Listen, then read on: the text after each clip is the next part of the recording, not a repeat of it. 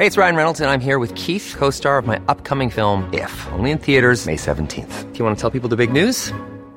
All right, I'll do. Sign up now and you'll get unlimited for $15 a month in six months of Paramount Plus Essential Plan on us. Mintmobile.com slash switch. Upfront payment of $45 equivalent to $15 per month. Unlimited over 40 gigabytes per month. Face lower speeds. Videos at 480p. Active Mint customers by 531.24 get six months of Paramount Plus Essential Plan. Auto renews after six months. Offer ends May 31st, 2024. Separate Paramount Plus registration required. Terms and conditions apply if rated PG. Hey, Dave. Yeah, Randy. Since we founded Bombus, we've always said our socks, underwear, and T-shirts are super soft. Any new ideas? Maybe sublimely soft. Or disgustingly cozy? Wait, what? I got it. Bombus. Absurdly comfortable essentials for yourself And for those facing homelessness. because one purchased equals one donated. Wow, did we just write an ad? Yes. Bombas. Big comfort for everyone. Go to bombas.com slash ACAST and use code ACAST for 20% off your first purchase.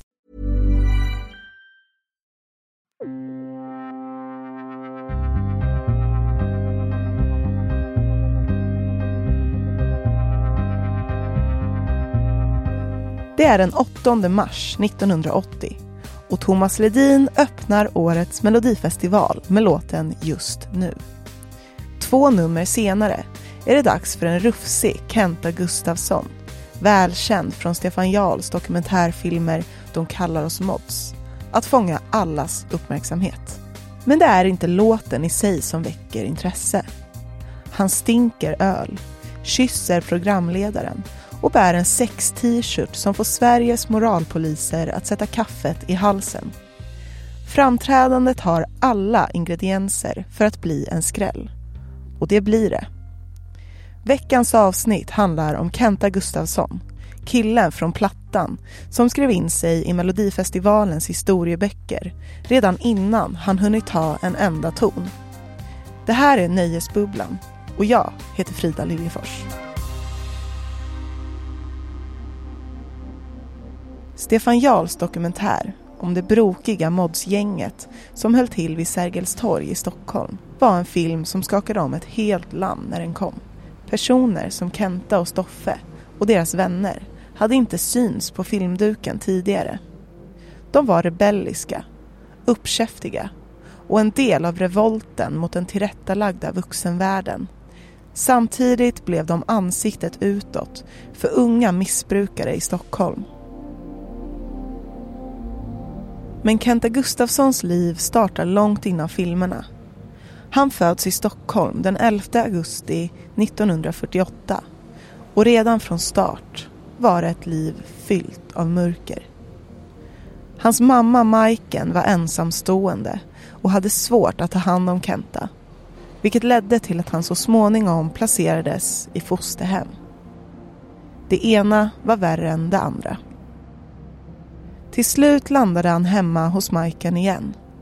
Vid den tidpunkten hade hon träffat Benke som nu intog rollen som styvpappa. Och som om inte livet varit hårt nog för Kenta så började helvetet på riktigt. Nöjeslivets redaktör Jonna Claesson har fördjupat sig i Kentas liv. När Kenta slutar nian så börjar han på ett tvätteri i Stockholm där han eh, får som arbetsuppgift att eh, sortera handdukar. Han får också 125 kronor i veckan vilket han tycker är mycket pengar. Ehm, sen kommer han hem till den här elaka styvfarsan Benke eh, och då kräver Benke att Kenta ska betala hela den här lönen för att han bor hemma helt enkelt. Det här kravet eh, blir helt enkelt droppen för Kenta och han bestämmer sig för att eh, ställa ett ultimatum till sin mamma. Antingen så får hon lämna Benke eller så tänker Kenta flytta hemifrån. Som tur är så lyssnar ju Majken på Kenta här och hon bestämmer sig till slut för att kasta ut Benke. Men det här blir ju inte helt bra ändå. Eh, för hon som aldrig hade liksom, druckit alkohol börjar dricka. Då, fanns han söp i bänken då, som vanligt. Och kommer jag ihåg i alla fall. Då hade barn så här. Kan inte gå ut och köpa lite gott? Jag är sugen på det. Ja, efter mycket gnat eh, så gick han i alla fall ut och så köpte han massa kokosbollar och lite karamellpåse. Så kom han hem och så satt han på stolen och kastade han en kokosboll i ansiktet på honom. Så, ät här, här har, precis, här har du svin. Så, Då kikade han upp till resten bara för att reta morsan, alltså bara för att såra morsan ändå mer då, fast de var så jävla dåliga då. Efter uppbrottet från Benke så blev Majken alkoholiserad. Och Kenta blev mer eller mindre tvungen att fly därifrån. Först levde han ut i sporten och musiken. Men snart räckte inte det. Han behövde komma bort. Och det var då han hamnade på Sergels torg. Stället som precis börjat bli en samlingsplats för försäljning av narkotika. Där träffade han ungdomar med liknande bakgrund och bristande framtidstro. Och där, mitt i folkmassorna, så träffade han Christer. Eller Stoffe, som han också kallades. Och så småningom även filmskoleeleverna Jan Lindqvist och Stefan Jarl. Inåt Stockholm igen vid Tankegatan Spruckna asfalt bakom mig Den nya tidens musik spelas i centrum Den gröna linjen för mig Yeah.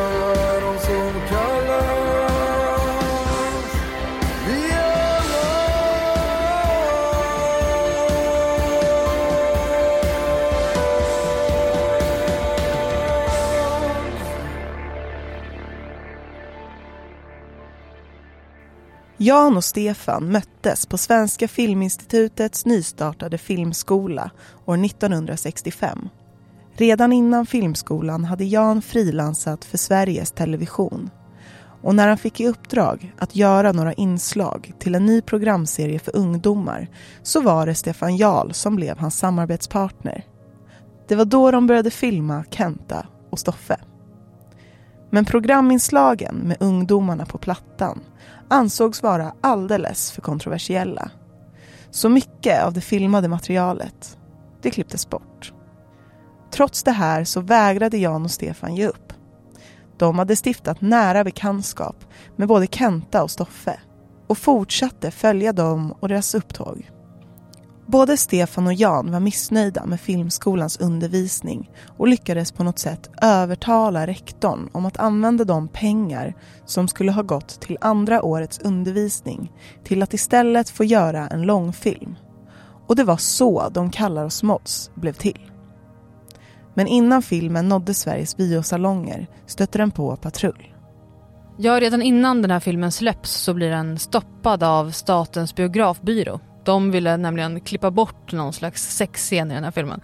Till slut så frias den här filmen av regeringen ändå men trots det här beslutet så är det fortfarande ingen som vill distribuera den här filmen. Eh, men snart börjar den här censurskandalen ändå gynna de här unga filmskaparna. Eh, det är ett porrfilmsbolag, Pallas Film, som förstår någonstans att man kommer kunna känna sig en hacka på att folk har snackat så mycket om den här filmen redan. Och de hade rätt. Filmen blir till slut en eh, biosuccé. Enligt Stefan Jarl var filmen farlig eftersom den sa saker som inte hade sagts. Att eh, alla människor har ett lika värde. De kallar oss mods varvade rörliga frekvenser från huvudpersonernas vardag med hjärtskärande vittnesmål från unga personer i samma kretsar. De är alla tonåringar och med blicken fäst i kameran talar de öppet om missbruk, våld i hemmet, ungdomsvård, fosterhem och hemlöshet. De hade lämnat skolan utan betyg vägrade rätta in sig i samhället och tänkte inte ens försöka skaffa sig ett jobb. Åh, här kommer alla medelsvensson. Hallå! Små knegarna, små knegarna är lustiga att se. Hej Svansson, hej öron, svansar av. Nej, det var alla flickstick. Bänderbit går sång. Var finns alla polarna? Hur många lever kvar? Hur många finns på kyrkogård? Hur många går på stan? Knarket tog de flesta. Kröken tog en liten del. Kvar är bara de bästa. De som inte gjorde fel.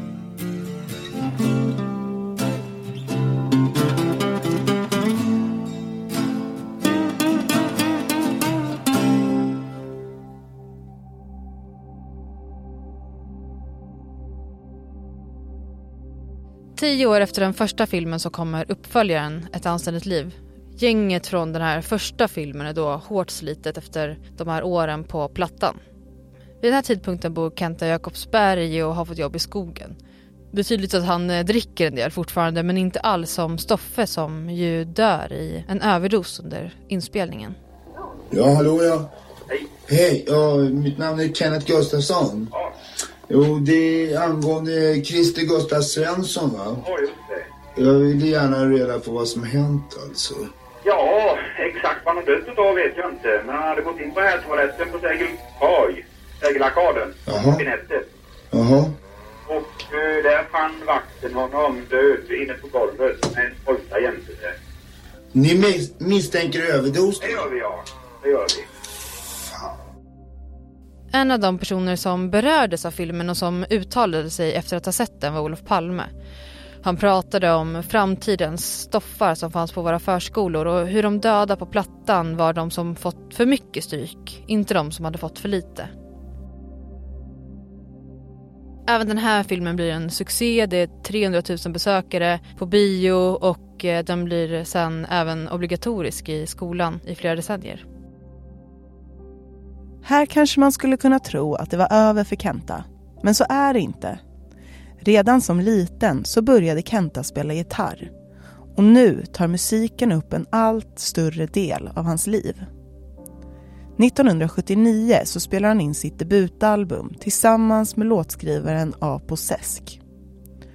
Och då har han ingen aning om att han snart ska stå på samma scen som Thomas Ledin, Ted Gärdestad och Eva Dahlgren.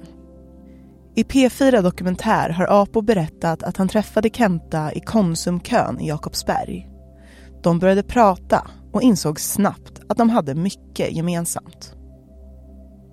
Ja, de här två har ju inte bara barn i, i samma klass utan delar också musiken. Kenta spelade eh, gitarr och Apo han skrev texter.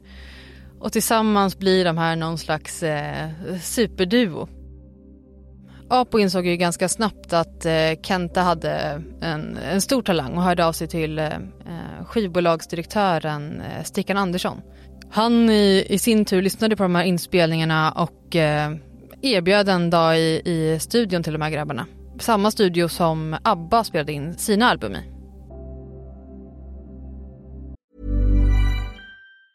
Planning for your next trip? Elevate your travel style with Quince. Quince has all the jet setting essentials you'll want for your next getaway, like European linen, premium luggage options, buttery soft Italian leather bags, and so much more. And it's all priced at 50 to 80% less than similar brands. Plus, Quince only works with factories that use safe and ethical manufacturing practices. Pack your bags with high-quality essentials you'll be wearing for vacations to come with Quince. Go to quince.com slash trip for free shipping and 365-day returns. Hey, it's Ryan Reynolds, and I'm here with Keith, co star of my upcoming film, If, only in theaters, May 17th. Do you want to tell people the big news?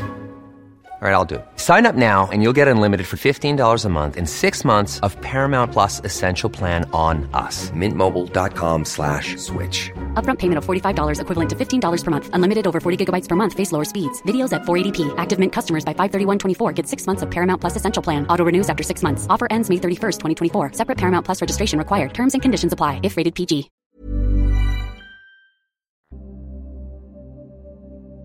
På det här debutalbumet så finns låtar som Just idag är jag stark och eh, Utan att fråga som eh, senare faktiskt skickas in som ett bidrag till Melodifestivalen.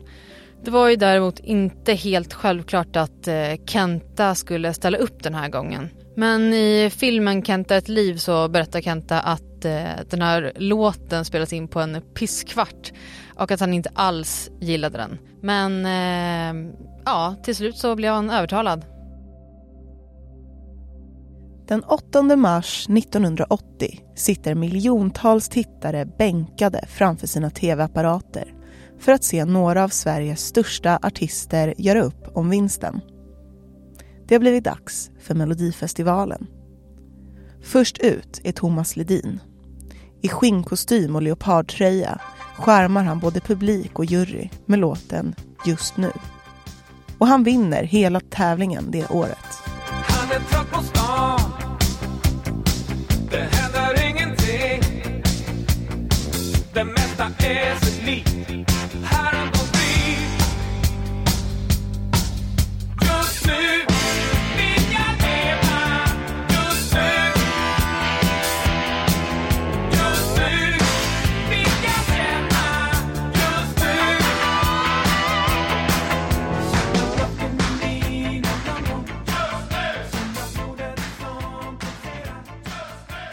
Men han var inte den enda som stack ut i mängden. Det gjorde även Kenta Gustafsson. Och faktum är att han redan innan han klev upp på scenen blev presenterad som någon som inte riktigt är som alla andra. Nu ska ni få träffa en mycket främmande fågel i sådana här sammanhang. Jag tycker att han har hämtat sin musik och sin text ur en eh, för oss kanske främmande och märklig värld. Melodi nummer tre heter Utan att fråga. Artist är Kenta.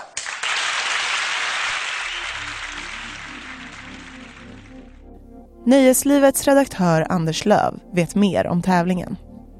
Ja, det är absolut ingen överdrift att kalla Kenta för en udda fågel i det här eh, sammanhanget. Senast som eh, svenska folket har eh, tagit del av Kenta så har han varit en av pundarna på Plattan. Och nu så har han tagit steget rakt upp på Sveriges allra största scen. Det blir ju såklart inte bättre av att han har en tröja med texten Try it you like it 69 tillsammans med en bild på ett par som har oralsex.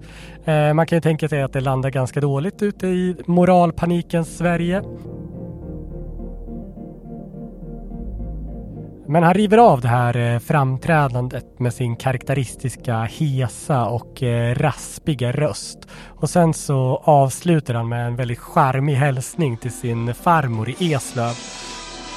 Så får jag hälsa till farmor i Eslöv. Återigen så är det inte så svårt att tänka sig miljontals svenskar hemma i tv-sofforna som bara sitter och gapar och inte fattar vad det är de har sett liksom. Och efter framträdandet följer en minst sagt legendarisk intervju. Kenta. Hör du mig? Kenta. Jag hör dig Benke, du vet. Eh, Kenta, har du hämtat det här tycker du ur det liv du har levt? Ett ganska hårt liv. Eh, ja, jag frågar dig. Har inte du levt hårdare än mig? Det vet vi inte. Vi kan, träffa, vi, kan, vi kan träffas och snacka om det du och jag. Ja, jag har det. mycket va?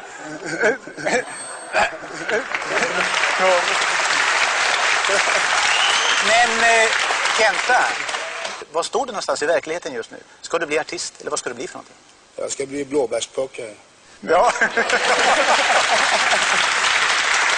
Ja, Kenta, jag tror att väldigt många människor eh, tycker att det var hemskt kul att se det här. Eh, Det var kul att vara med. En ball pryl. Det är en ball. Ja, det är bra. Bra sett, Kenta. Melodifestivalen har kantats av en rad skandaler genom åren och den här gången så var det definitivt Kenta och hans sextröja som tog hem priset. Senare sen när festivalen är över så kommer Kenta använda en bild på sig tillsammans med programledaren Bengt. Där han har på sig, alltså Kenta har på sig den här eh, sextröjan. Så använder han den i reklam och det reagerade Sveriges Radio väldigt starkt på och eh, ledde till slut till att de försökte stämma honom. Men eh, innan det, alltså innan han skulle framträda i själva festivalen så hade det egentligen inte varit några diskussioner om huruvida han kunde ha på sig den här tröjan eller inte. Lennart eh, Wetterholm, han var eh, producent för Melodifestivalen det året och han har sagt eh, i en intervju med Expressen att han inte hade några problem med t-shirten alls. Men det fanns andra som reagerade, framförallt tittarna liksom. Enligt Lennart så var det helt andra saker som produktionen var orolig över. Och det var väl framförallt att Kenta skulle vara väldigt packad på scenen. Och eh, absolut, Kenta hade eh, sin vana trogen tagit några järn innan han gick upp på scenen. Eh, och det finns till och med rapporter om att Kenta ska ha luktat så mycket alkohol att eh, programledaren höll på att bli packad bara av att stå i närheten av honom.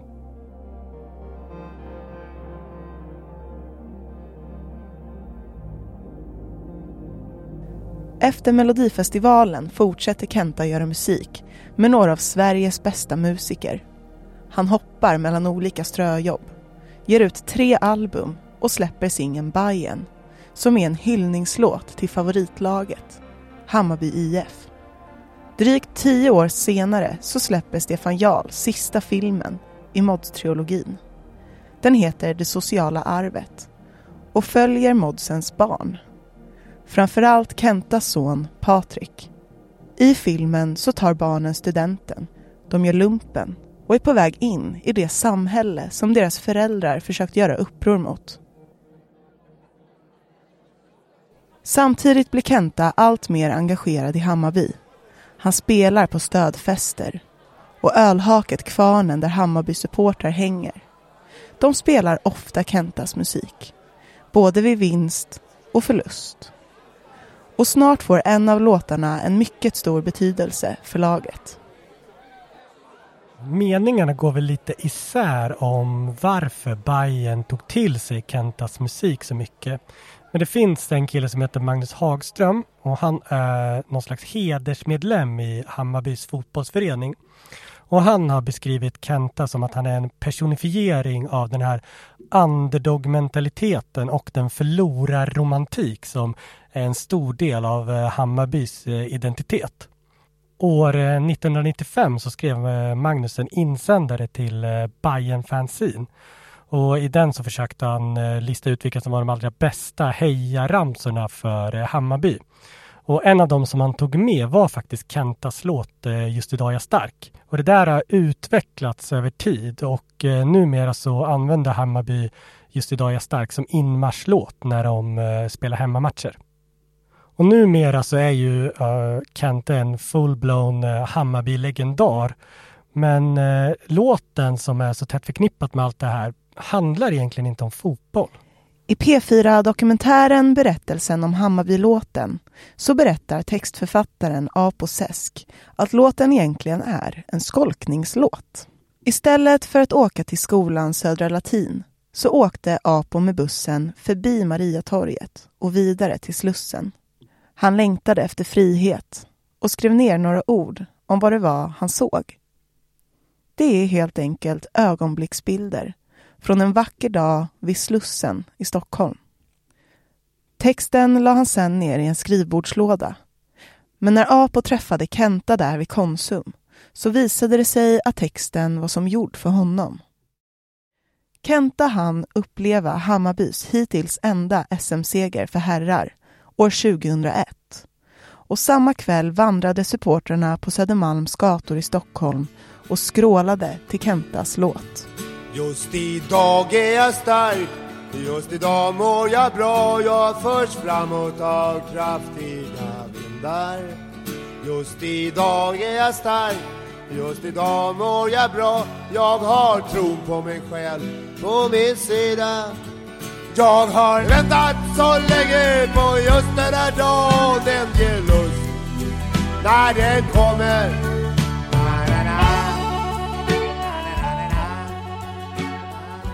Men låten stannar inte på arenan.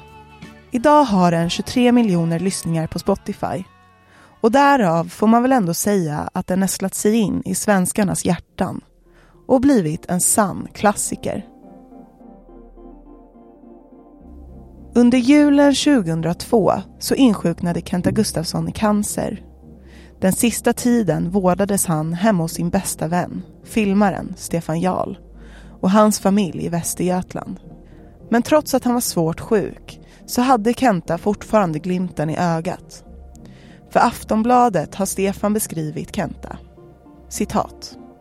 Han hade ett oerhört levnadsglatt humör han var en väldigt glad och rolig person som verkligen gillade att leva. Och han var en överlevare. Han hade gått igenom mycket i sitt liv. Men likt en katt med nio liv så överlevde han det mesta. Slutcitat.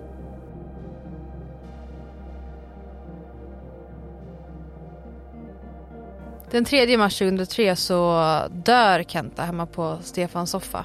Eh, och han blir bara 54 år gammal. Eh, Stefan ärver två grejer av eh, Kenta, lite udda kanske. Men eh, en eh, vikingahjälm och en eh, väldigt stor mellanölsburk. Så här säger Stefan Jarl om sin vän i Vi-podden. Jag minns inte så mycket. Nej, jag Vad jag sörjer från den tiden är snarast att en av mina bästa kamrater dog så småningom. Stoffe dog ju under inspelningen. Mm. Kenta. Men att Kenta dog hemma på min soffa, det har inte jag kommit över än. Nej, ni blev väldigt goda vänner har Ja, jag förstått. ja, vi blev det också. Mm. Det enda gången jag har känt mig lugn, det var när Kenta var hemma. Alltså, Mm. För jag kunde vara precis som jag själv ville vara, det accepterade han. Därför att jag accepterar Kenta hur han var. Mm. Om han drack sprit eller inte, jag la inte ens märke till det utan jag försökte hålla honom på banan men till slut gick det inte. Men det var ju gemensamma erfarenheter som gjorde att det blev en stark vänskap som många andra kamrater har dött. Kenta är fortfarande kvar. Trots att Kenta lämnade oss alldeles för tidigt så har han själv sagt att han upplevt mer i sitt liv än en annan hinner med på två. På 60-talet må folk ha kallat Kenta och hans vänner för mods. Men frågar man supportrarna på Hammarbyläktaren så hade de snarare kallat honom en legend. Frågar man Kenta själv? Ja, då har han alltid varit en luffare. En luffare med ett stort hjärta. Tror du att folk vill ha det då? Nej, det vet jag inte. Ja, men det är väl vadå, att om folk vill ha mig, de får mig. Så är det bara.